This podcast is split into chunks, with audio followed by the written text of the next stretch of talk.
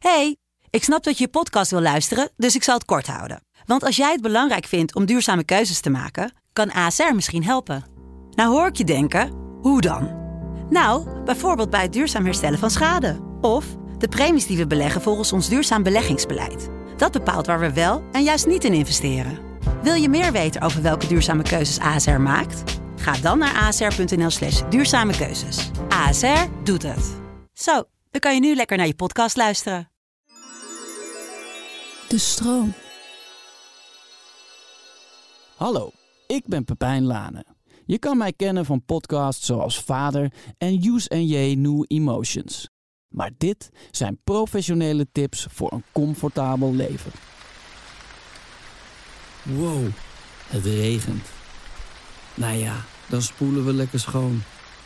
Het krokante laagje eraf, ja toch. We doen het gewoon. We trotseren de elementen.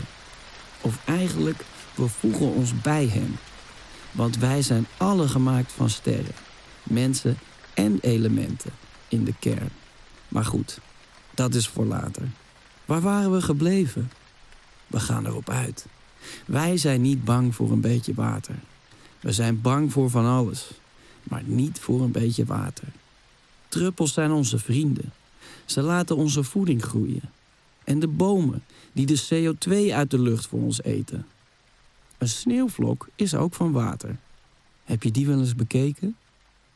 Soms wordt een sneeuwvlok een sneeuwbal en daarna een lawine en raak je daaronder bedolven. Maar hé, hey, daar gaan de wolken en daar komen de stralen. Niks meer aan doen.